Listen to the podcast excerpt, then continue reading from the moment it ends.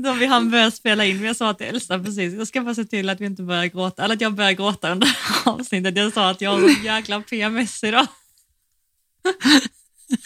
Men är inte det bra att man säger det? Jo, det är jättebra. Det är bara det att jag tycker du är så söt. Förlåt. Alltså jag, jag menar inte att jag tar det på allvar, för det gör jag, men du är ändå väldigt gullig. När du, det första Johanna sa när hon kom in, hon bara öppnade dörren och så bara Ja, Iber PMS idag, bara så du vet. Så, och det känns som att jag kommer börja gråta, gråta vilken sekund som helst. Så. Bara så du vet. jag, och bara så du vet, om jag har dålig energi så är det därför och jag ska väl bara överleva den här dagen. Nej men eh, du har ju inte riktigt så här PMS, du kan inte riktigt känna igen dig väl?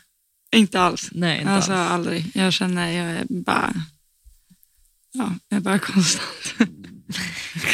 Konstant deppig när jag ska. Ja, eller hur? Ja, men typ. Nej, jag Nej. vet inte.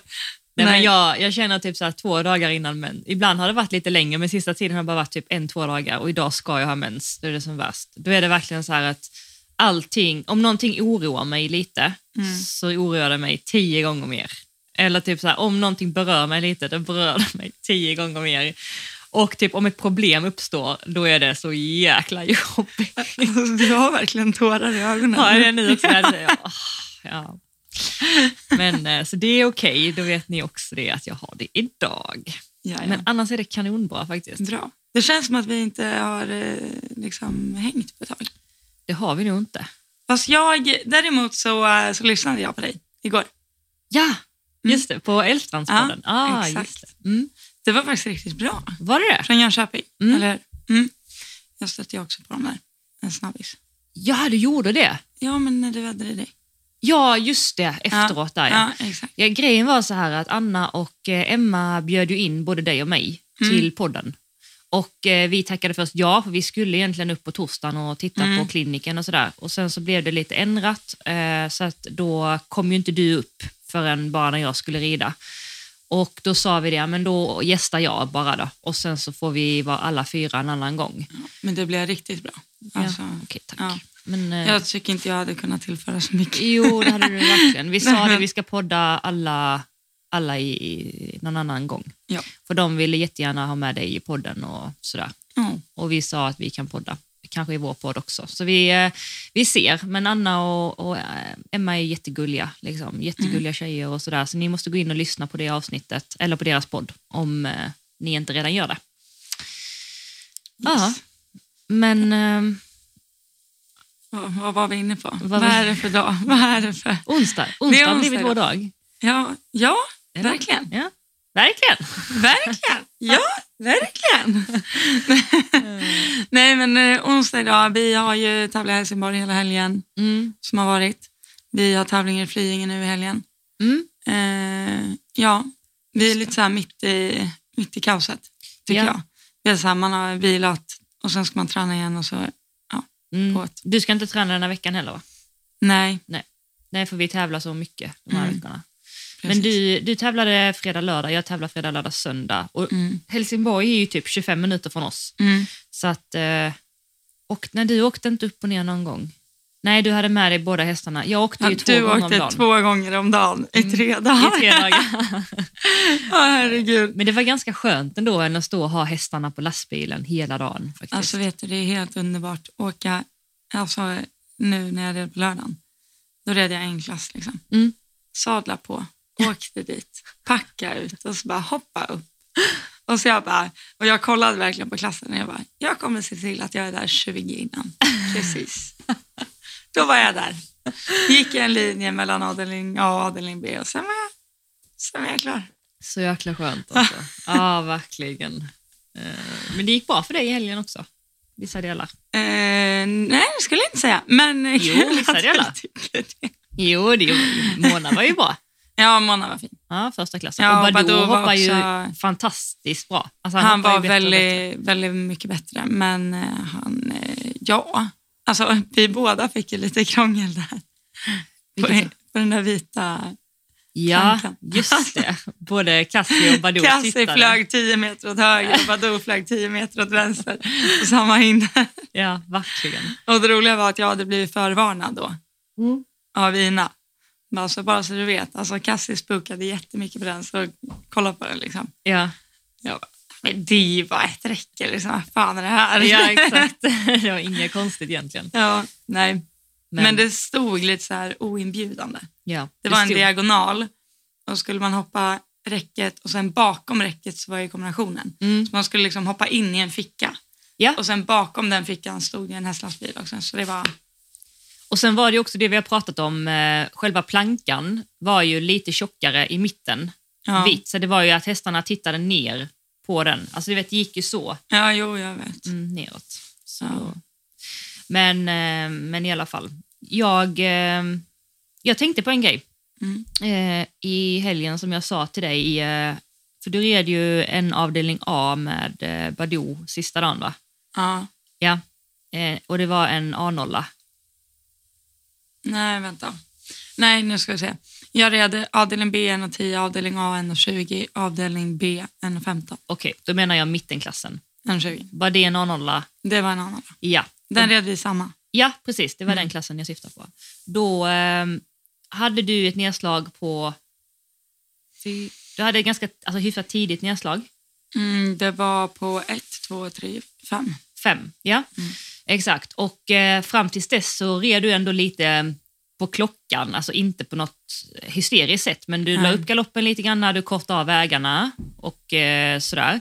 Och sen när du rev femman så fortsatte du ju rida som om du inte hade rivit. Alltså att du fortsatte rida korta vägar och behöll Mm. din galopp och sådär. Och samma till sista hindret där att du tog en ganska snäv sväng. Eh, och eh, det tyckte jag var så himla bra. Mm. För att jag vet att Linnea brukar säga det till mig någon gång när jag i efterhand så här, rivit ett hinder i omhoppningen och så har jag slutat rida korta vägar. Ja, ah, men då tar jag utanför här. Men Det är så Ja. himla dumt för att man, Ja, men det är ju då du kan passa på och Exakt. riska. Eller så tänker jag. så Som träna. den sista vägen visste jag var alldeles, eh, alltså inte alldeles för svår, men jag visste att den var svår. Mm. Så då, eh, alltså, jag tänkte det var, jag hade ändå redan ett nedslag. Så det var så här, blir inte den vägen perfekt så spelar inte det någon roll. kan ta till. Ja, ja men alltså, nej men, ja. nej men du fattar vad jag menar. ja, verkligen. Ja. Men det tyckte jag var en bra påminnelse till mig. För att ibland är det ju så här, jag tror många tänker så varför man har rivit så slutar man rida mot klockan. Mm. Men eh, det är ju verkligen jättebra att fortsätta rida mot klockan så att man får chans att träna på att rida korta vägar Mm. och i högre tempo. För att det är ju inte jättemånga chanser i livet man får att rida och träna på snäva svängar. Det är ju inte så att du sitter och tränar på det varje dag hemma. Utan du har ju... Typ. Nej, men, Nej men nej det gör nej, jag men inte. du fattar vad jag alltså, menar. Du tränar ju inte omhoppning varje gång. Nej det gör jag inte. Nej. Och på tävling så är det ju en viss grej att rida omhoppning och då alla chanser man får rida det ska man ju ta tycker jag. Även Ja. om man har rivit två innan eller tre innan eller så. För det är så du lär dig. Alltså jag tror eh, även eh, nu håller jag på liksom dressyrarbetar vadå en del i banan. Om jag rider en avdelning B och då liksom medvetet tar jag ut vägarna för att få till honom däremellan. Men rider jag liksom en avdelning B eller bedömning A eller vad det nu är, en grund, då tror jag inte jag rider onödigt långa vägar någon. Alltså går det att rida smidigt innanför, då har jag gjort det i Clearander också. Ja, Alltså av den anledningen av att in the end of the day så kommer det gå på tid. Liksom. mm, exakt. Så eh, Ibland kan det nästan vara lätt, lättare. ja, jo, det tycker jag också. Mm. Nej, För då hade jag fått det där eh, stoppet innan. Mm. Och då tänkte jag så här, då om jag mer går med, är lite mer i galoppen, hindret kommer liksom lite, eh, lite snabbare, lite mer flowigt, alltså då eh, hästarna blir typ inte lika spooky då, tycker jag. Nej. Alltså, det är som att de är mer med en liksom. Mm. Och att man inte bara sitter och väntar liksom. Nej, exakt. Mm. Nej, jag håller helt och hållet, eh, helt och hållet med. Men det hur, eh, hur skötte sig Fia och Cassie? Jo, de var bra. Mm. Eh, de var bra typ hela helgen. Cassie var i första tredagars tävlingen. Ja. Eh, jag upplevde att andra dagen trodde jag hon skulle vara lite mer liksom, settled så, men det var nästan lite, lite tvärtom för då visste hon vad som väntades. För Helsingborg är lite så här, um, speciellt när du går från framridning till framhoppningen så får du gå in i en volt och där ovanför rör sig ganska många Mm. människor och det är trappor som låter så att hästarna har svårt att lokalisera var ljud kommer ifrån och de kan bli ganska spända så att jag hade henne ganska spänd där. Och andra dagen så kom hon ihåg det så att hon var Mm. redan spänd där. Ehm, och sen så var det ju där är en ganska stor skärm i Helsingborg inne på banan som är ganska låg om man säger i hörnet och sen lastbilen i andra hörnan. Eh, och första dagen var hon inte alls spooky där, alltså så, för att det var ju nytt, hon visste inte vad hon skulle förvänta sig. Och sen andra dagen så visste hon att där hade hon varit lite spänd. Men sen tredje dagen tyckte jag att, jag, eh, att det var bättre. Däremot så gjorde jag ett misstag där som du och jag pratade om, att när hon känns, när någon när häst känns sådär bra Mm. så är det som att man slutar rida. Och med det sagt så red jag ju inte dåligt på något sätt, men jag red inte... Alltså jag jobbade typ inte henne mellan hindren när jag åkte på det jag hade, Mm. vilket gjorde att jag inte hade henne lika bra i ordning mellan hindren. Och det fick jag lite, lite skäll för, tänkte jag säga. Själv fick jag absolut inte, men eh, så från min tränare. Mm. Och jag tror det var för att jag slappnade av lite. För hon... eh, Ja. Men jag ska, nu ska jag tävla två klasser igen imorgon, så vi får se. Jag tror Mm. det kan vara bra. Du åker med bara kasse imorgon. Bara kass imorgon. Eh, En meter, en tio. Eh, 91 meter. 90 meter. Då går vi om varann. Jag tror, du rider imorgon En och tio, en och tjugo. 1 och 10 och 20. Ja. Ja, Ja. det var ju tråkigt. Men men. Men... ehm, oj. Fluga. Flyga. eh, och Fia hoppade också jättefint hela helgen och hoppade felfritt. Första klasserna var placerade i en klass. Eh, sen, du såg ju 1,30 där. Mm. Eh, jag hade två nedslag. Mm. Ett på en, som vi pratade om, men det var en oxer, eh, ganska lång väg till den här oxern, helt fristående på en diagonal. Många rev den. Jag, Mm. alltså, ja, jag kommer kanske lite nära. Ja, den jag kollade i den här klassen Ja. från läktaren. Så jag eh, såg väl 15, i- bara 15 stycken innan det ja, något sånt. Eh, så de såg jag och sen några efter också. Mm. Det var mycket fel. Mm. Det var väldigt mycket fel. Exakt. Mm. Och sen så gjorde jag en sån miss som jag vet inte när jag gjorde sist. Alltså. En sån här, ja, sexan, sjuan var det va? Mm. Sexan, nej femman, sexan och sen så var det sex galoppsprång lite framåt för att det, det räcket man kom in på gjorde att hästarna backade av lite så att de Mm. sex skulle bli framåt till en också som stod bredvid väggen vilket också gjorde att de höll Mm. tillbaka lite. Ju. Gör jag någon form av förhållning som är så otroligt onödig och jag ser, jag fattar inte varför jag gör den. Liksom. Jag har väl någon anledning att göra det och jag tror nu i efterhand också när vi har pratat om det att jag är så van att Fia plogar banorna. Alltså hon Mm. drar. Alltså jag tror inte, jag tror ingen fattar hur mycket jag har i handen runt i en bana. Nej. Alltså det är verkligen så här, håll för ditt liv liksom. Men nu var hon jättefin och Ja. när hon då helt plötsligt lyssnar, då blir ju framåtdriften lidande. Då Ja. tar hon, alltså den som annars är naturlig försvinner och då måste jag rida framåt, vilket jag inte gjorde. Så då blir ju den distansen dels lite lång, plus Mm. att jag gör en förhållning. Så hon gör ju sex och ett halvt galoppsprång där. Mm. Och jag vet inte varför hon ens hoppar där. Det, var, alltså det visar verkligen vilket hjärta hon har. Alltså hon, verkligen, hon rev ju det, men eh, hon hoppade verkligen den där stora också. Liksom. en decimeter ifrån. Fis. Fy. Men efter det rev hon inte. Stackarn. Stackars. Nej, Ja, stackars. Men alltså, jag tror inte bara det sitter liksom, i ditt eh, muskelminne. Liksom. Det är där du Jo. ska backa henne tre steg innan så måste du liksom se till att hålla ut från kurvan. Alltså verkligen så. Du höll ju ut den så du fick plats ett steg till. Men jag tror att, du vet den här fasen jag gick igenom med Kalle för några månader sedan eh, när eh, helt plötsligt fick jag trångt på distanserna. Mm. När jag annars har fått skena på distanserna. Så, eller för, det är ganska länge sedan nu, men när jag började träna för Linnea. Och så har jag börjat hitta det. Det tog ganska lång tid innan man bara, gud nu behöver jag inte rida på så mycket, jag behöver inte rida på så mycket, jag ska göra så här istället. Där är jag med Fia nu tror jag. Mm. Att jag får liksom, okej jag behöver ändå rida på nu. Ja. Men så tror jag inte jag kan göra det i första klassen, så jag måste ändå ha feeling, okej, var, var är hon idag? Liksom. Ja. Så, eh, Nej, jag hade samma med Badou i helgen. ja, Jag kände det på framhoppningen, för jag vet att du kom in då. ja. Eh, och det började kännas där. Jag bara, alltså, jag måste checka av framåtbjudningen här. Ja, det har sa det. aldrig hänt innan. Nej. Liksom. Men eh, det behövde jag, liksom. checka av att jag kan få ut steglängden. Liksom. ja, Annars är han så här, ger man lillfingret så tar han hela handen. Liksom. ja, Ja. Interesting. ja. Men det var en lärorik helg för oss. Mm.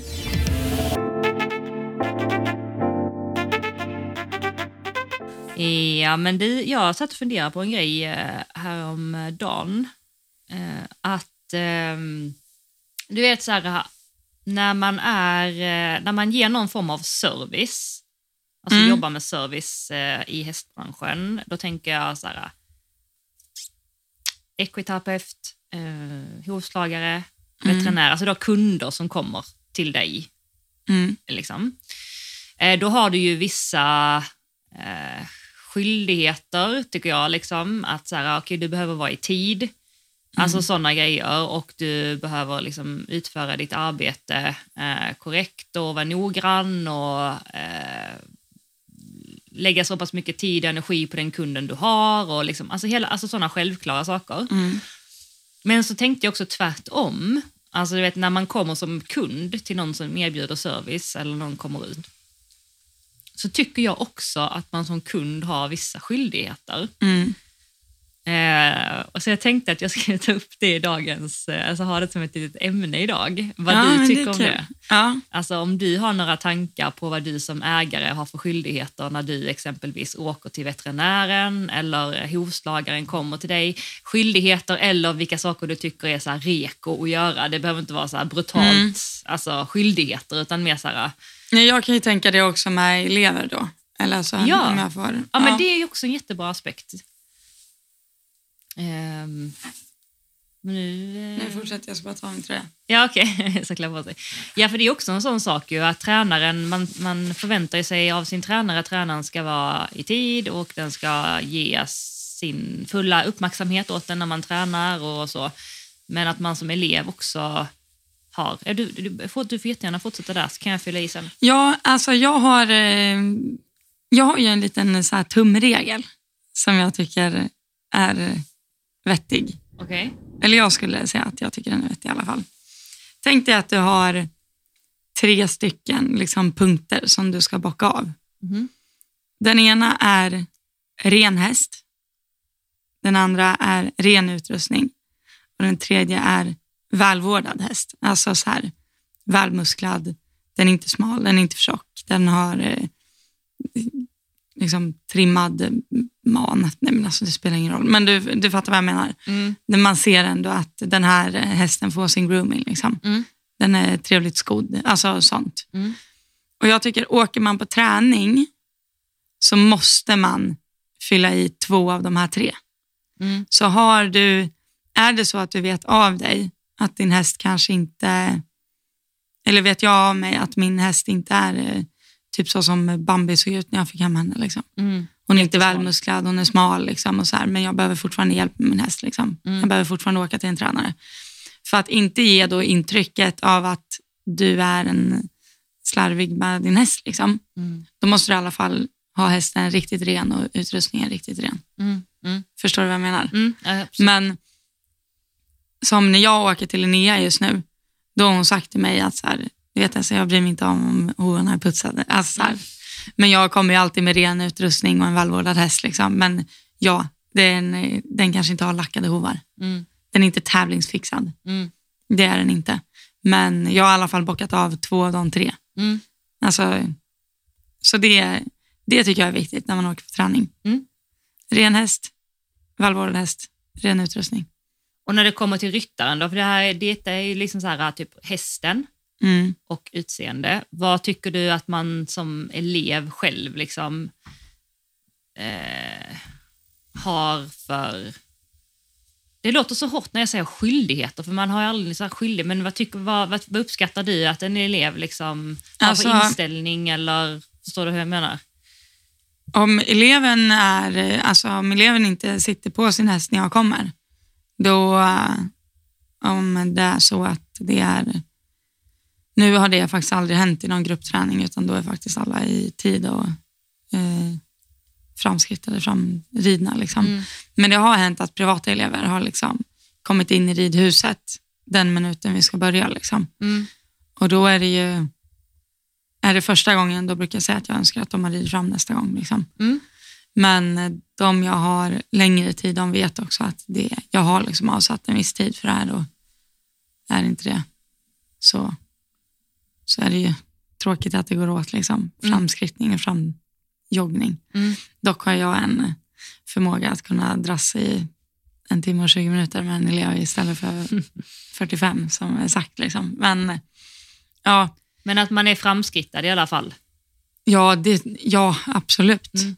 Det tycker jag absolut. också. En självklarhet. Om man inte man vet, om man kommer till en träning och man typ inte vet, men att man i alla fall är framskrittad. Mm. och, så, och i ordning och i tid. Liksom. Mm. Sen tycker jag också att eh, man har som, eh, alltså när man ska ta all den tiden det tar att åka och träna och kostnaden det kostar och dels åka dit och eh, betala för träningen. Alltså det är så liksom, mycket. Och tränaren är där för att ta sin tid och hjälpa en och sådär. Att man verkligen gör sitt bästa för att vara fokuserad och koncentrerad på det tränaren säger och verkligen försöker göra sitt bästa fast man liksom inte förstår alltid. Eller eh, att man verkligen så här försöker fast att det känns ibland eh, omöjligt. Om du förstår vad jag menar. Att man inte har en Mm. attityd eh, om inte någonting fungerar utan man är ödmjuk till sin häst och sin tränare och mot sig själv. Tycker jag är jätteviktigt. Också. Mm. Ja, jag är med dig där, men jag, eh, alltså jag, eh, jag tror typ det jag mest säger till mina elever, det är så här, förstår du vad jag menar nu? För att jag tycker det är väldigt omotiverat till att kunna utföra någonting man inte förstår varför. Men sen fattar jag också vad du menar, att så här, okej, om jag gör det här så kanske, jag liksom, så kanske aha-upplevelsen är det som gör mig att förstå. Mm. Så kan det också vara. Men sen, eh, Jag menar ju inte att man inte... Alltså jag menar ju att om man inte förstår, då är det en självklarhet för mig att man frågar. Alltså Ja. så, jag menar inte att eh, du säger någonting till en elev och den personen inte fattar och man bara gör sitt bästa och ska testa. Och så. Jag menar, då är det en självklarhet att man frågar. Men jag menar att man har en... Eh, alltså ibland kan jag se på träningar och sådär eh, och jag har också klienter ibland som blandar in mycket så här frustration i träningen eh, och sådär. Men jag tror att det är viktigt att få respekt både mot sig själv och mot sin häst och de som är där och tränaren och sådär, att man gör vad man kan för att vilja förstå eller försöka förstå. Eh, och eh, att man är ju inte där för att visa upp sig, alltså så. Man är Nej. inte där för att liksom prestera eller sådär, visa vad man kan, utan man är ju där för att lära. Liksom. Och vissa saker funkar inte alltid och vissa saker är svåra och det är ju en del av träningen. Liksom. Mm. Nej, gud, nej, nej. med det, men jag förstår vad jag menar. Nej, men det är klart man har stött på, alltså jag har ju stött på någon elev någon gång som inte liksom, alltså, men då är jag, jag är ju jätterak. Johanna. Det är liksom, jag har ju sagt någon gång att så här, fattar du hur respektlöst det är mot dina föräldrar att du åker hit och de betalar för det här och du inte lyssnar. Liksom. Mm, Där kan jag vara det kan. De flesta är ju inte så, eller så här, såklart. De flesta Men är, eh, ja, de flesta är ju absolut inte så. Nej. Det är klart det har, det har hänt någon gång. Liksom. Mm. Men då... äh, Alltså, de kommer inte tillbaka efter jag har sagt så. Nej, men äh, alltså, ja, gud, det kanske Men är sen, eh, sen också så ju, eh, kan jag tänka mig, eh, alltså, mm, när man har tränat, om man då eh, tränar kontinuerligt, att eh, också eh, ta med sig hem och träna på det som man faktiskt har fått höra från sin Mm. tränare är en utmaning. Så att man inte bara tänker att man ska träna bara när man tränar, utan den största träningen sker ju mellan träningarna. Mm. Eller sådär. Och det tycker jag också är ganska så här, en bra grej att ta med sig. Men det är väldigt viktigt. Alltså, jag vet eh, eh, någon gång eh, för ett tag sedan, jag, många av mina elever får göra mycket förvändgalopp liksom, på bågar och sånt där. Har alltid, har alltid gjort det på mina hästar. Göra, ja, de får göra det också, har gjort det i flera år. Så det spelar ingen roll vilken grupp det är eller när det är. Mm. Men då hade jag en återkommande grupp. Liksom. Och de här eh, tränade inte på förvändgalopp på sex veckor. Liksom Nej. kändes som. Eller en månad i alla fall. Så de fick komma tillbaka varje vecka. Jag bara, alltså, vi hade kunnat hoppat under den här tiden om ni bara hade gjort den här övningen hemma. Liksom. Om alla ni tre hade liksom sett till att faktiskt, Ja. faktiskt göra den här förväntningargaloppen, då hade man ju också kunnat bruka de här träningstimmarna till något annat. Liksom. Ja. Sen har jag också förståelse för att det är många som kanske de två ridhusdagarna de har i veckan är när de åker till tränare. Liksom. ja, såklart. Eh, och mycket annat jobb blir eh, ute liksom, och då är det kanske desto svårare att ligga på bågar och göra förväntgalopp. Liksom. Så det handlar inte riktigt om vad det gäller. Men ja, eh, jag håller med dig. Alltså, sköter man inte sin hemläxa, då det blir, den enda det blir jobbigare för är ju en själv. Alltså, det. det blir bara dyrare för dig själv. Nej, det Det blir inte jobbigare för tränaren. Alltså helt ärligt. Men det blir roligare för tränaren om man har en elev som är dedikerad väl och gör jobbet mellan träningarna. Är det Ja, inte gud ja, det är mycket roligare. Det är roligare för dig att vara engagerad Ja. om du har en engagerad elev. Ja, precis. Mm. Alltså så är det ju såklart. Mm. Det är, ja, 100 procent. Men, eh, ja, nej, ja, men det är fortfarande inte ett krav. Eller jo, det är nog ett krav. Men alltså, ja, man, man får ju ta det här som vi pratar om med en nypa salt och krav och skyldigheter hit och dit. Det är så vad, kanske vad vi tycker eh, förväntas Ja. av en. Det är mer så förväntningar kanske. Mm. Kanske mer ett Men jag tycker det är bra. Ja. Alltså jag hade behövt höra det här. ja, jag också. Ja. Men du var ju inne på lite mer, inte bara träningsbiten utan så här, Nej, men jag Typ- tror verkligen det med allt. Jag skulle bara koppla ihop det som du sa där. Jag tänker om man exempelvis har en massör som kommer ut eller en ekoterapeut som kommer Mm. ut. Det är precis samma sak där. Att om ägaren eller ryttaren är engagerad själv, liksom är på plats, berättar om så här rör hästen sig, det här känner jag, ditt, efter du var här jo, hände detta, ditt, ditt, ditt, då är det också roligare för ekoterapeuten att göra ett jobb än Mm. om din häst, alltså du kanske inte ens är där, du sätter hästen på gången och går och mockar under tiden eller Mm. alltså du kanske ber någon annan ta, nu har jag all förståelse för att man inte alltid kan vara på plats för att man har ett jobb och man har skola och sådär men att man har en dialog med ja, sin ekoterapeut eller ja, tränare Ja. eller sådär, att visa att man är intresserad, det är det jag vill komma till. Det gör, Mm. Jag tror att det gör att den som ger servicen tycker att det är roligare och gör kanske det lilla extra snarare än om inte man visar något intresse alls själv. Mm. Så är det med allt tycker jag. jag, jag håller helt med dig där, att eh, det är roligare. Men jag tror, in, alltså när man väl, eller jag tar utifrån min roll då som tränare, Mm, mm. att eh, man brinner ju så mycket från de hästarna ändå, så när man väl står där, den där timmen, liksom, då, då spelar det ingen roll om personen i fråga har, inte har skött sitt eh, hemjobb eller inte Nej. kommit hel och ren eller något sånt där, utan då, då tycker man ju att det är jätteroligt att göra sitt hästjobb ändå. Liksom. Ja. Så det där, det tror jag, eller jag funkar inte så i alla fall att jag skulle liksom lägga mer tid, eller mer så här hjärta i en elev som är mer dedikerad, utan när det väl, när ekipaget väl är, är på plats, liksom, då tror jag nog att jag är lika Det engagerad varje gång. Alltså. Det. Mm, ja, det tror jag också. Jag är typ lite för, alltså jag är för engagerad. det blir ju jobbigt. Ja. Liksom. Men det är fint. Det är bra. Det, ja, Men vi pratade, eh, vi pratade ju om, ja men precis, eh, andra servicer och sånt, typ hovslagare och så. Mm. Vad, vad tycker du, eller vad gör du typ när din hovslagare kommer?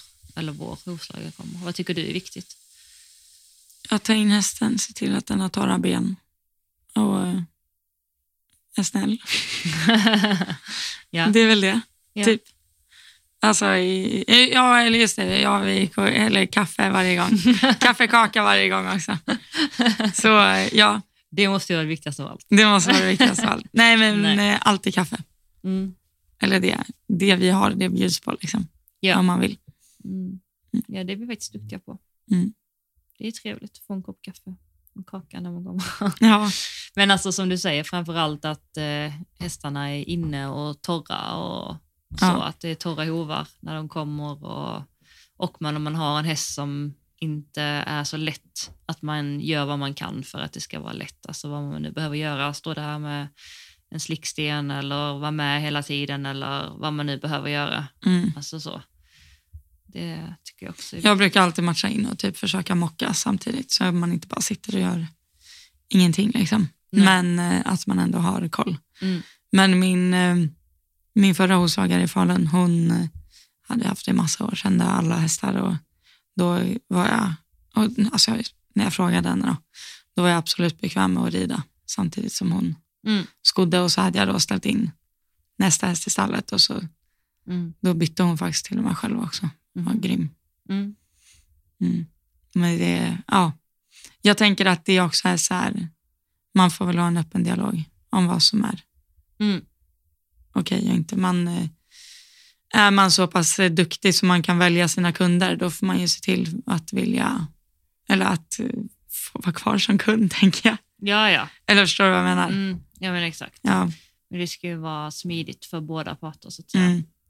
Jag, jag är lite för mycket, jag, vet inte, jag är typ alltid med när eh, mina hästar skos eller så. Mm. Det är för att jag, du har mycket mer på dagarna och istället att göra än vad Du jag hade har. nog inte varit med, med på 12 hästar Nej, alltså. det hade Då- jag Det hade jag antagligen inte. Nej. Eh, Men eh, ja. Men eh, veterinär då, när man Mm. åker? Ren? Mm. Det är väl det. Mm. Eller vad mer? Sen hade jag nog inte åkt till veterinären dagen efter jag vet att hästarna tränar jättehårt. Bara för att jag inte vill ha en liksom, sår. Den. Mm. Man vet ju själv att hur tränings... Alltså, fan, jag är ju halt efter jag har tränat. Mm. Men det är också faktiskt med hovslagning också, typ om man har jobbat hästen mycket, alltså, så att den har fått jobba mycket bak och sådär. Att de kan att vara den tycker lite, det är jobbigt att stå på ett ben. Ja, liksom. ja. Exakt, jag tänker lite så också. Mm. Ja, ja men jag tror det är viktigt att komma ren också till eh, veterinären. Eh, och eh, viktigt att, man, att hästen kan stå still, tycker jag. Att man har lärt den att stå still och att den kan springa för hand. Mm. Alltså så, att man har Mm. lärt sig det. Jag fick träna det med Cassie här inne i ridhuset. Jag tyckte inte det funkade så bra. Men det funkar ganska bra nu, Mm. tycker jag. Det var så. Mm. Men den där stå still-frågan, alltså där tror jag eh, där tror jag många har bakläxa. Liksom. Mm. Det är ju jag, jag själv. Alltså absolut. Nu har ändå mina hästar blivit bättre skulle jag väl säga. Men eh, ja, det tror jag, jag tror folk tycker det är svårare än vad, än vad du tycker. Ja, det är möjligt. Alltså jag menar, mina hästar är inte heller perfekt, men jag menar att man, man gör vad man kan för att ha koll på hästarna, liksom, så att det blir säkert för, häst, alltså för veterinären att genomsöka hästen. Ju. Jo, det är klart. Alltså så. Ja. Jag menar för att underlätta veterinärens jobb. Liksom, Mm. att om man har en häst som är helt, liksom, inte alls kan st- stå, då kan det ju bli farligt menar jag. Jag menar Ja. att hästarna ska stå som statyer när man undersöker dem eller sådär.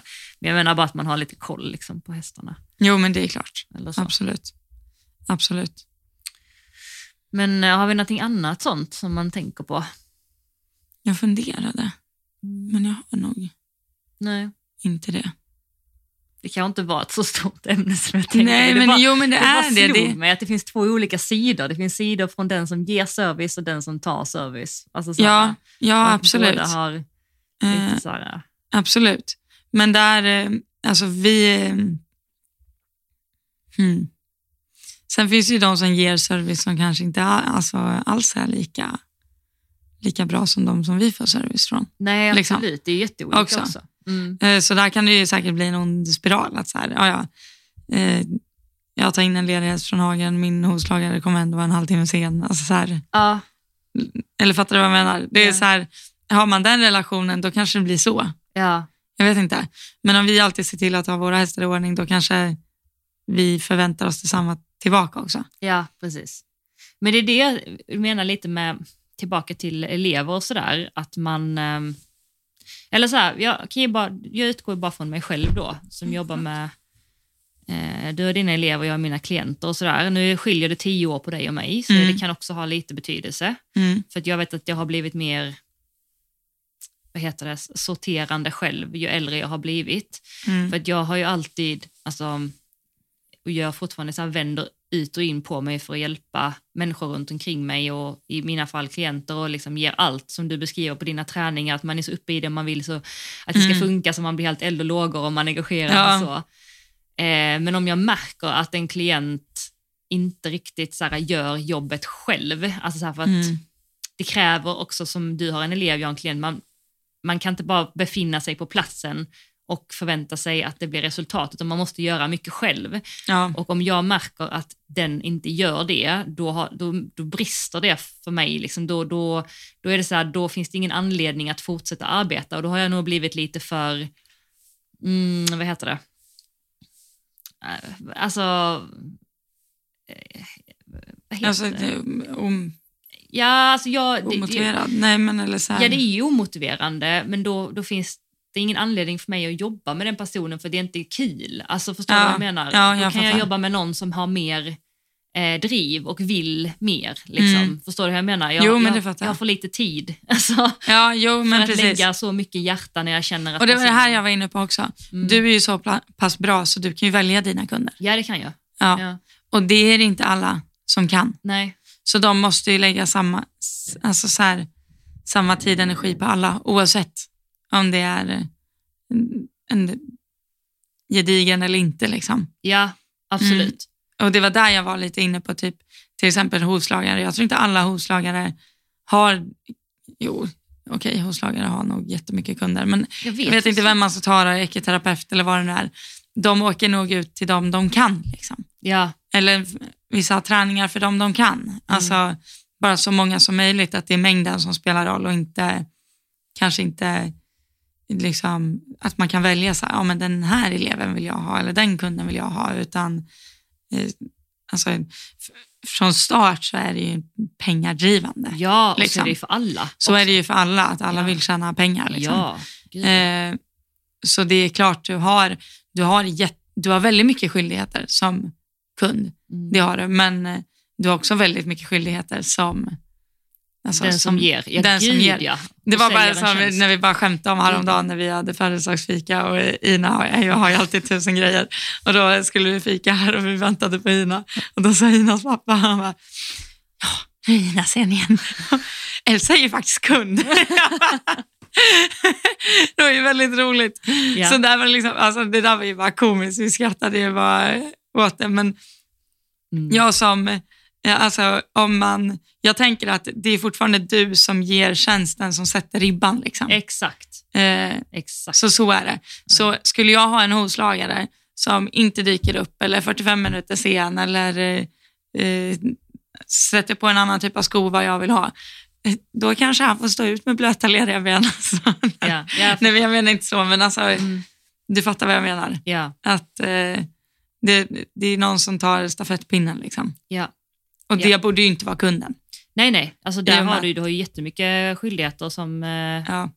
Men sen om du vet av dig, som du, du till exempel, du har ju en väntelista. Liksom. ja. Du kan ju handplocka dina kunder i princip. Inte för att du gör det, men Mm. du, du har ju fortfarande, du, har ju, du kan ju i princip välja. Liksom. Ja. Nu menar jag inte att det fungerar så, för alla behöver ju hjälp, men jag kan tänka mig att det kanske fungerar så för vissa tränare. ja. Att de kan se, liksom, okej, men jag har plats för två stycken ekipage, vilka tycker jag verkar roligast att jobba med. Liksom. ja, exakt. Så, eh, ja.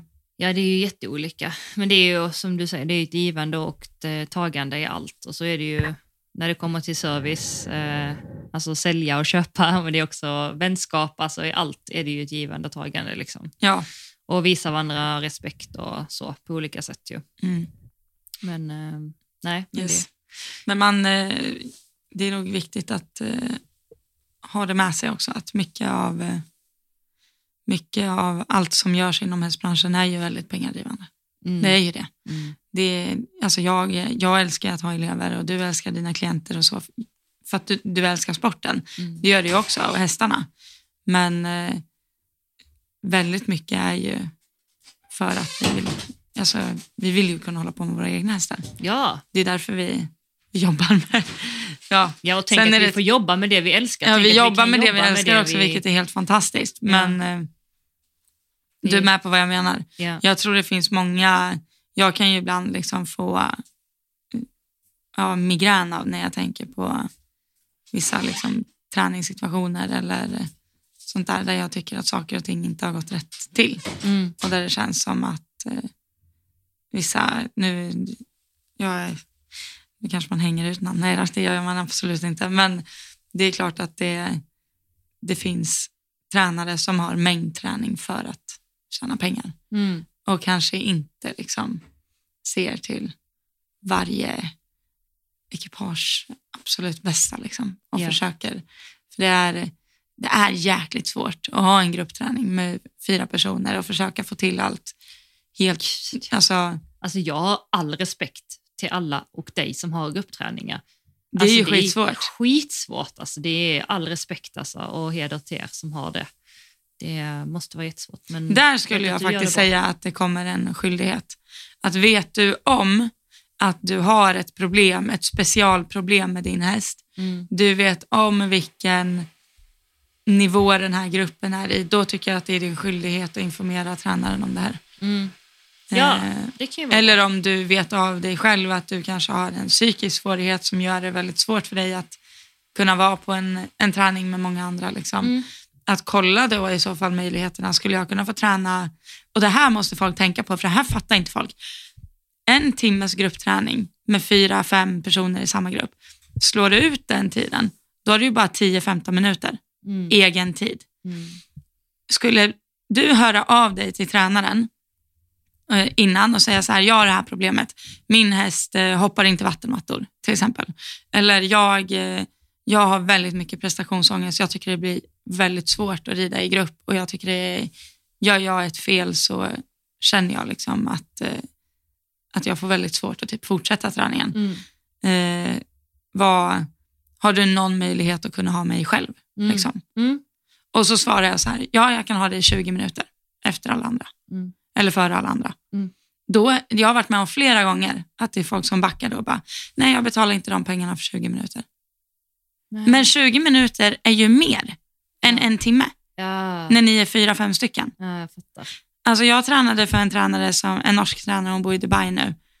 Hon, hade, alltså, hon fyllde dagar från nio till morgonen till alltså nio på kvällen. Ja. Hade en elev i 25 minuter.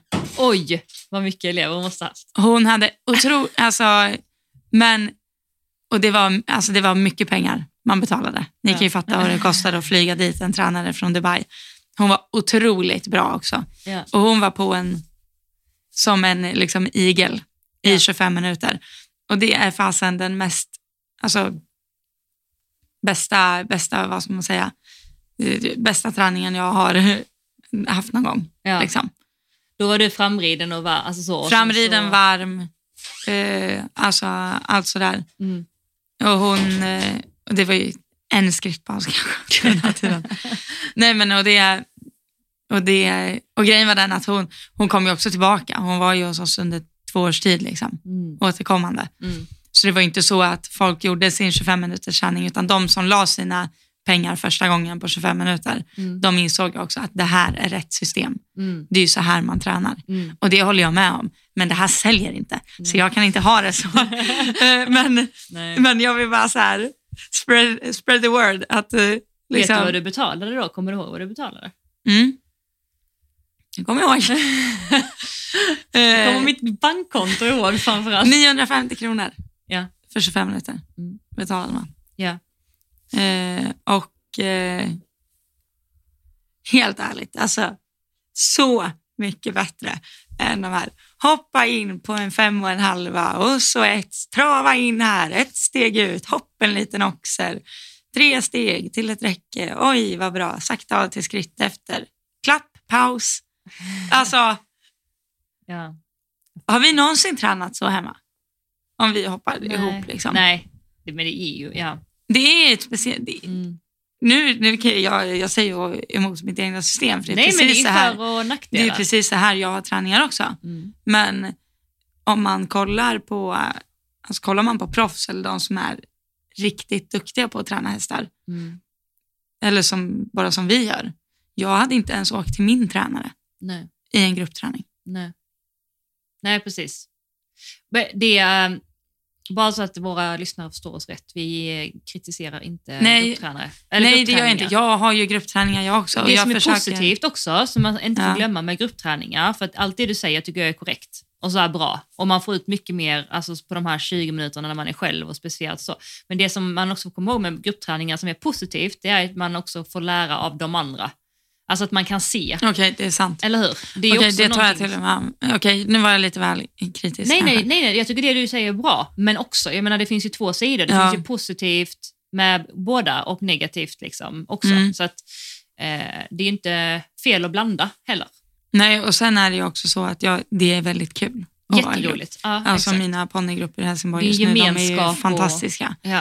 Och vi, där är det så pass mycket yta så vi får väldigt mycket gjort ändå. Man kan hålla alla igång liksom, Är du i stora ridhuset eller lilla? Nej, lilla. Lilla. Mm. Eller framhoppningsridhuset. Mm. Liksom.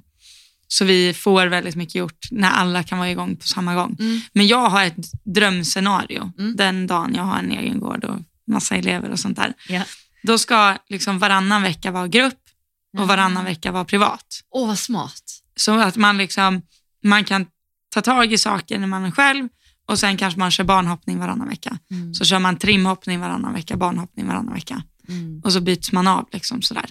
Mm. Eh, det är min, liksom, där har jag en vision. Det hade jag tyckt var det bästa Mm. sättet att hålla träning på. Liksom, Mm. för att få med båda, båda delarna. Mm. Men det jag egentligen vill upplysa om är att eh, tillbaka till skyldigheten där.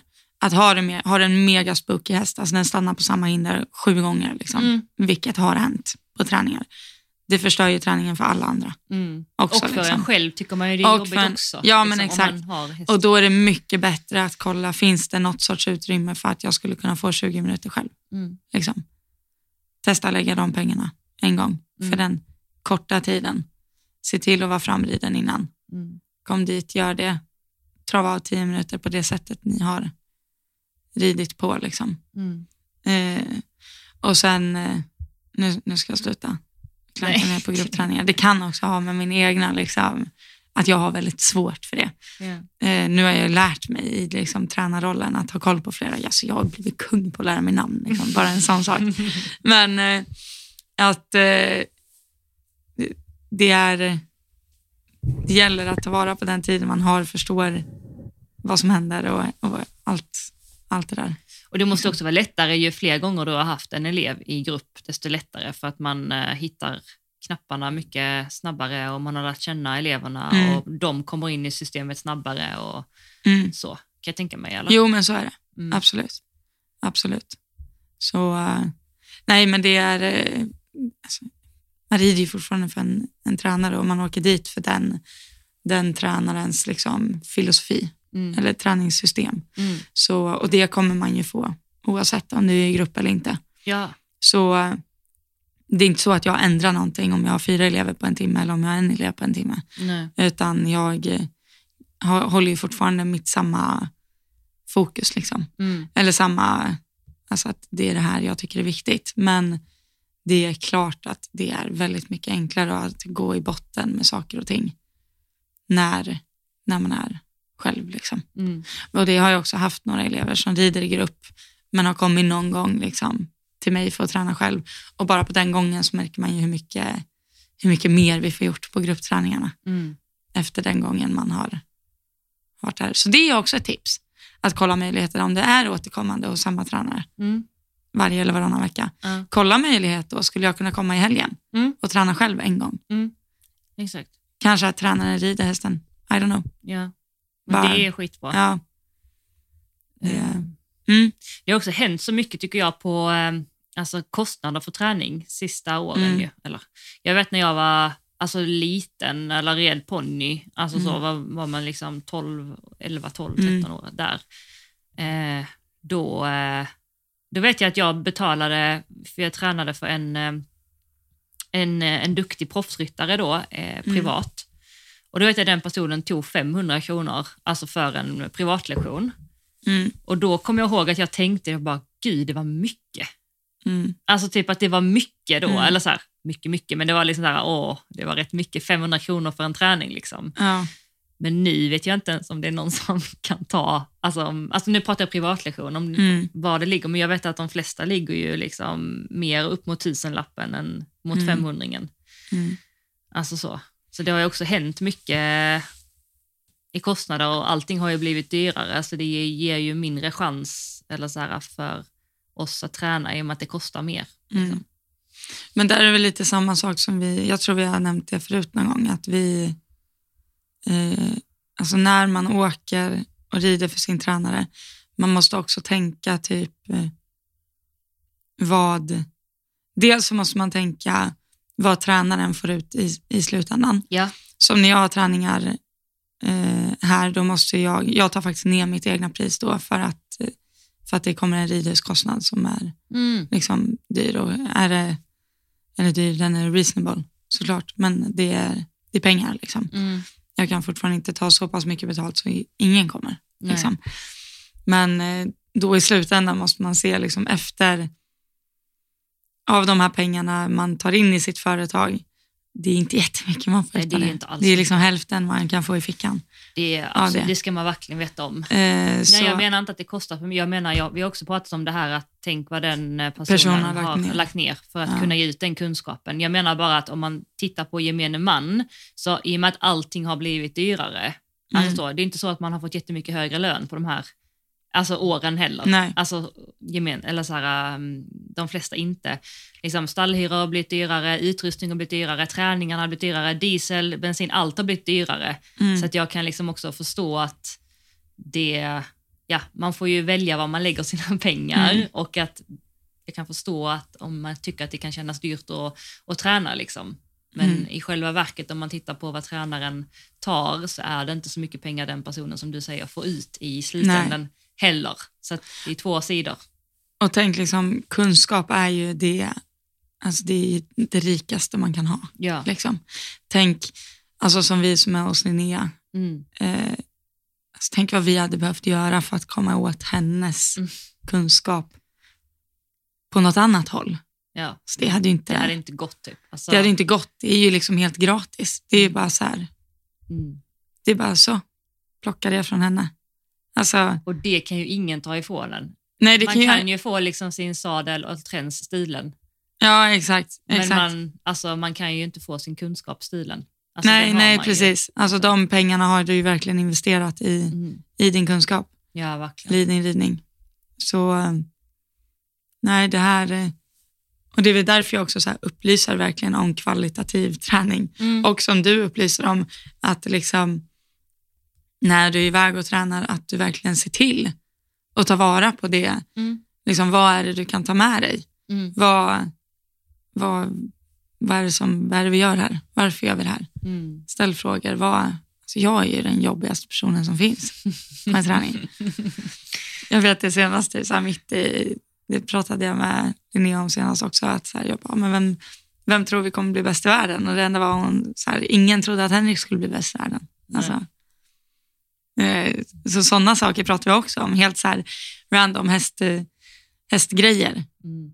Världscupen som hände i helgen, eller den ryttaren som var där. Alltså så. Mm. Det är, eh, det är också kunskap. Mm. Det är inte bara så här, du ska göra ett ledande tygeltag med din högra hand, utan också häst, eh, hästmanagement. Mm. Får man med sig sånt av sin tränare också? Det, ja. Nej, hon är Men bäst. det är obetalbart. Nej, det, ja exakt. Det är, eh, ja.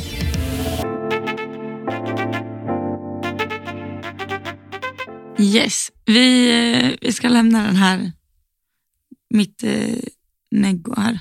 Nej, det var inte Nej, det var inte neggo. Det var bara lite Elsa ärlighet här, det vet jag att ni tycker om. Ja. Eh, men det, vi har faktiskt fått in en fråga här eh, som vi tänkte ta upp. Så jag läser, jag läser helt enkelt upp hela meddelandet.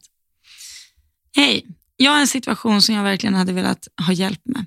På min senaste träning för min tränare insåg jag, äh, jag att jag vill mer än vad min häst vill.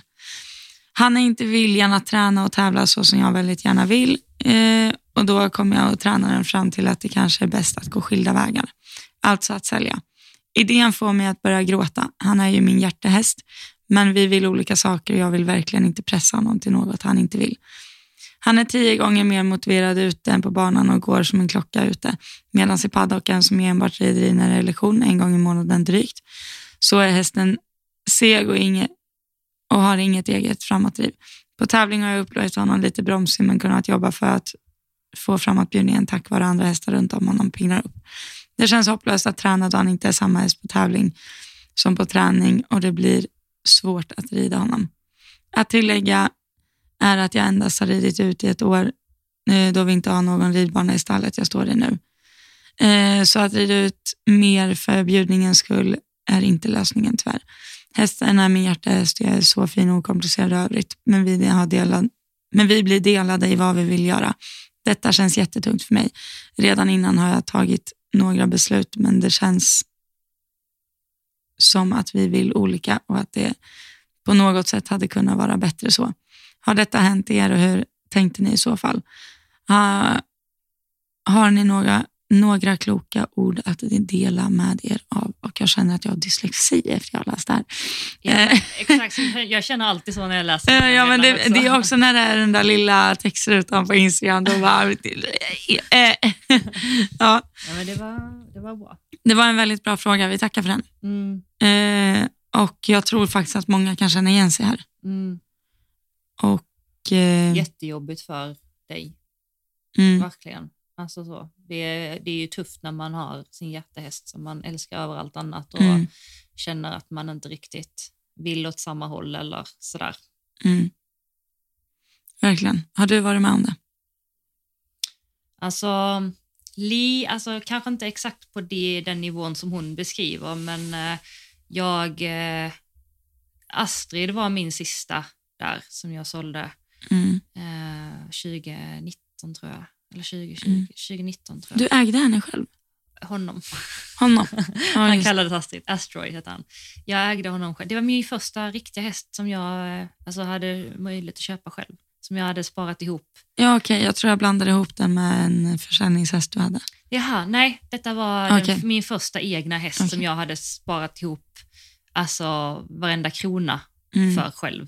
Eh, genom att åka runt i hela Sverige och ha föreläsning för 1500 kronor per föreläsning. Typ. Nej, men jag hade krigat som en galning, alltså, verkligen. Eh, och han, eh, han var världens eh, alltså, snällaste, lättaste. Han var typ Kalle i personligheten också. Mm. Och verkligen så här uh, easy och lätt och trygg och sådär.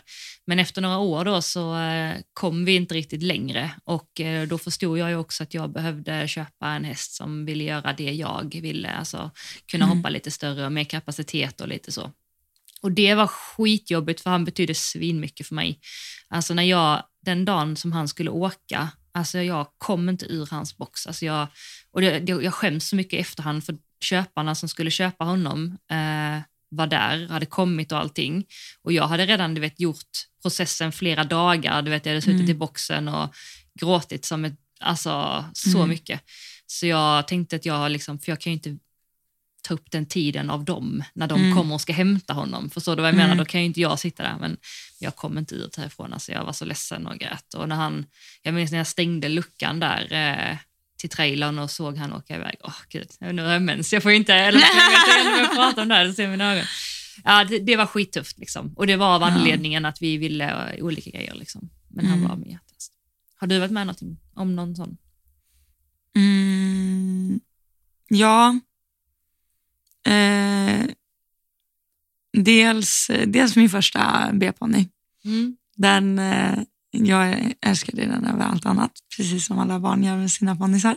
Mm. Och jag ramlade av i ettan varenda tävling. Liksom. Eller stannade ut med. Alltså, jag tror inte jag kom runt en enda. Alltså, ja, det var inte många tävlingar. Och, men där, eh, där var det också så här längden som spelade in och sånt. Så det var ju mer reasonable att den skulle säljas. Men eh, redan där kände jag väl att jag ville ju väldigt mycket mer än vad den här ponnyn ville. Men sen på liksom senare dagar så eh, är det nog min första juniorhäst, som jag, eller min första storhäst. Jag hade den champagne. Mm. Den stora bruna, eller den var inte så stor men jag tyckte Chappe. den var, ja chappe. Precis.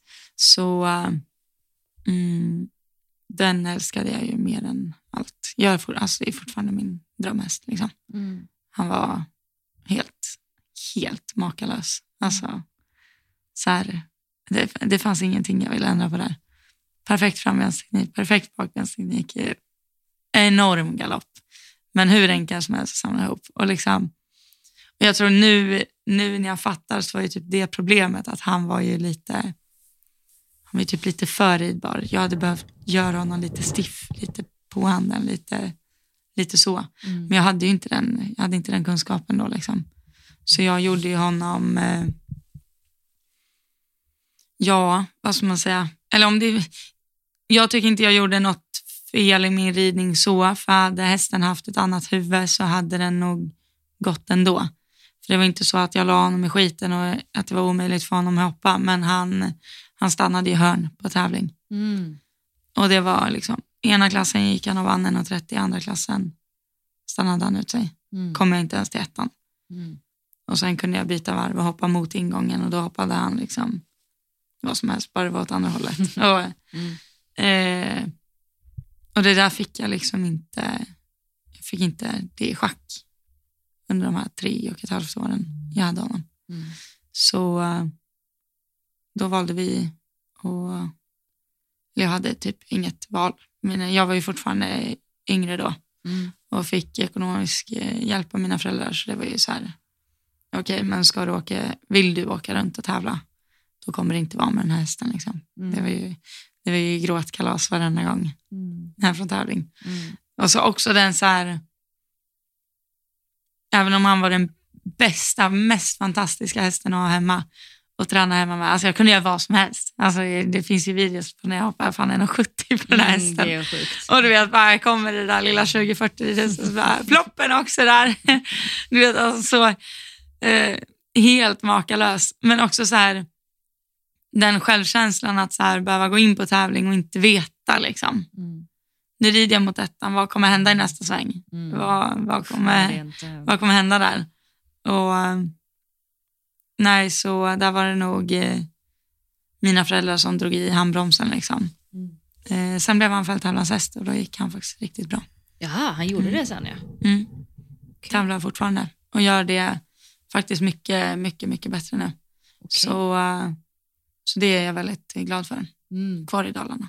Oj, Mm. okej, vad roligt. Mm. Så det är, nej, jag är väldigt glad över att han fick ett bra, ett bra liv. Och sen blev jag faktiskt kontaktad av en tjej efter jag hade sålt honom som hade ridit honom som fyraåring typ i Holland eller något. Mhm. Och han hade tydligen haft det här beteendet redan då. Mm. Antagligen löshoppad eller hoppad för stort, för högt. Mm. Alltså för mycket som ung häst. Mm. Tagen för hårt liksom. Och sen att jag hade satt, för han blev ju liksom blockerad kan man säga. Mm. Så det var inte så att kapaciteten inte fanns utan det var hjärtat som inte, Mm. inte ville tävla liksom. Men hur resonerar du kring en sån här då? Nu läser vi ju hennes eh, DM och det är alltid lättare att vara objektiv. Ja. Alltså så i det. Det finns ju en objektiv sida och så finns det en känslomässig sida Mm. liksom. Ehm, för- för I både ditt och mitt fall, när vi sålde våra hjärtehästar så fick de ju det inom citationstecken bättre på sina andra ställen för att de fick göra någonting som passade Mm. dem bättre. Och vi hade möjlighet att köpa en häst som passade oss bättre att göra det vi ville. Så Mm. på ett sätt så är det ju win-win för båda individerna. Och Mm. eh, med då betoning också på att det är otroligt känslomässigt tufft att behöva ta det beskedet och göra det avslutet. Men om man tänker på det ur ett större perspektiv så är det ju inte roligt att som ryttare känna att man vill mer men man kan inte på grund av att det finns en begränsning i hästen. Mm. Och sen kan jag tänka också, nu ska vi inte förmänskliga våra djur på det sättet, men jag menar om hästen hela tiden behöver bli pushad att göra saker den inte kan, så det är Mm. inte heller schysst. Alltså förstår du vad jag Nej. menar? Så att i det förhållandet ni verkar ha så verkar ni inte matcha varandra i, liksom, på det sättet, vilket gör att ni kanske kan få det bättre på olika håll. Liksom. Mm. Eller låter det hårt? Nej, jag, jag håller med om det. Jag tror liksom man måste välja. Att så här, det är, att vill jag ha min häst liksom av ren eh, så här, vad ska man säga, sentimental eh, effekt. Eller vad man säger. Alltså, är, är, det, är det bra för mitt mående att ha den här hästen? Har jag den alltså, som en hobby? Mm. Eh, av den anledningen. Ja. Mår jag bra att ha den här hästen lite som eh, att ha en kompis? Liksom. Mm. Mm. Eller är det så att jag vill satsa på sporten? Mm. Jag vill tävla, man måste älska sina hästar lika mycket ändå. Det är inte det jag menar, men att då lär man nog ta det beslutet liksom, och välja, välja kanske där vilken, vilken väg man vill gå. För det är heller inte schysst mot hästen att fortsätta tvinga den göra något den inte vill. Nej, Liksom. precis. Så då kanske man får lägga ner lite den tävlingsdrömmen Mm. eh, och satsa mer på den hästen man har eller, eller då byta ut den. Och sen tror jag också, jag gillar inte riktigt det här uttrycket när man säger att så här, jag kan absolut förstå det. Så här, den här hästen kommer jag aldrig sälja för ingen kommer förstå sig på den här hästen och den är så speciell och allt sånt. Men det är ju det, det, är det vi liksom alla strävar efter, att lära känna våra hästar till det, det yttersta. Liksom. Mm, mm. Även om det är en ny häst för mig eller alltså, som nu, jag har ju köpt eh, Lasse av uppfödaren till exempel. Hon hade honom fram tills han var sex år. Det måste ju varit jättekänsligt. Liksom. Mm. Och har tävlat honom, tagit fram honom helt själv och allt sånt. Men hon är ändå hon är ändå trust i att nästa ägare kommer älska honom lika mycket och göra ett lika gediget jobb. Mm. Så där är det ju mer, alltså tar man ansvar då som säljare, se till att vara helt ärlig med alla de här sakerna. Se till, man, kan till, man kan sätta krav på vad man vill att ens häst ska alltså, komma till för hem. Mm. Det kan jag tänka mig att du kanske hade med Astrid. Mm. Att så här, du var helt ärlig med att den här hästen vill inte göra det här och den vill göra det och så, så, så. Mm. Att det är ju då, då kan man ju se till att hästen får en sån ny ägare Mm. som passar den bättre. Men sen är det ju självklart det är jätteproblematiskt om du liksom försöker sälja hästen på någon sorts falsk marknadsföring. Ja, det går nej, ju inte. Nej, det går inte. Det är ju egentligen då du enda gången behöver vara orolig att den hamnar i fel händer. Ja. När du som säljare inte har varit ärlig med vad, vad din häst behöver. Mm. Annars har du ju faktiskt ingen anledning till att vara orolig. Nej. För då ska den ju förhoppningsvis hamna hos någon som är perfect match. Liksom. Ja.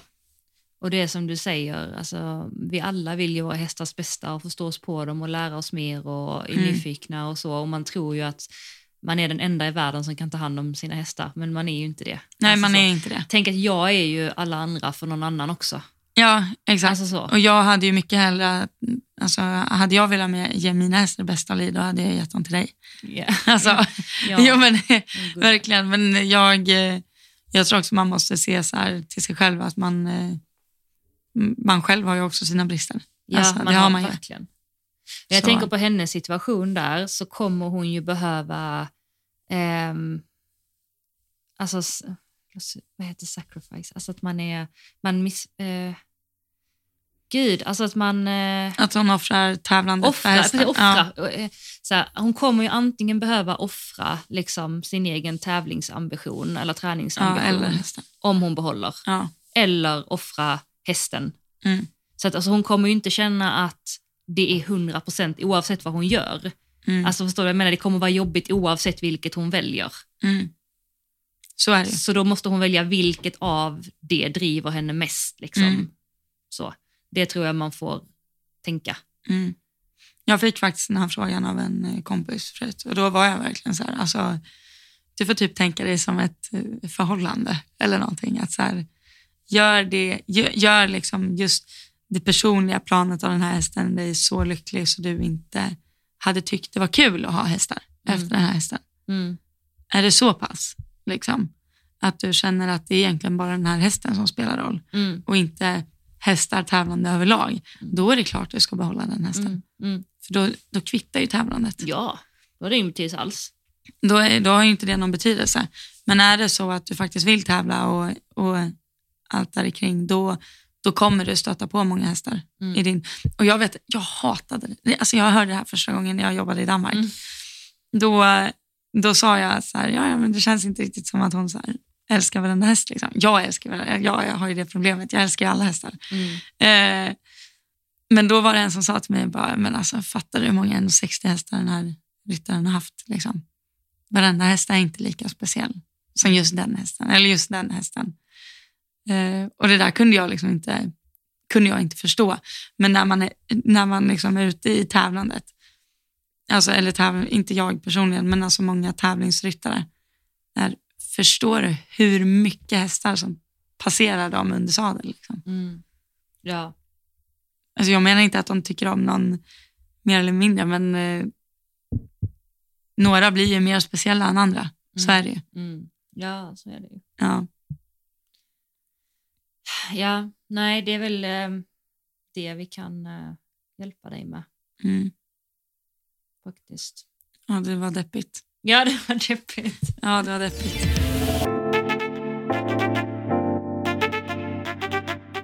Men hörni, gänget, vi ska väl eh, sätta fart på den här dagen.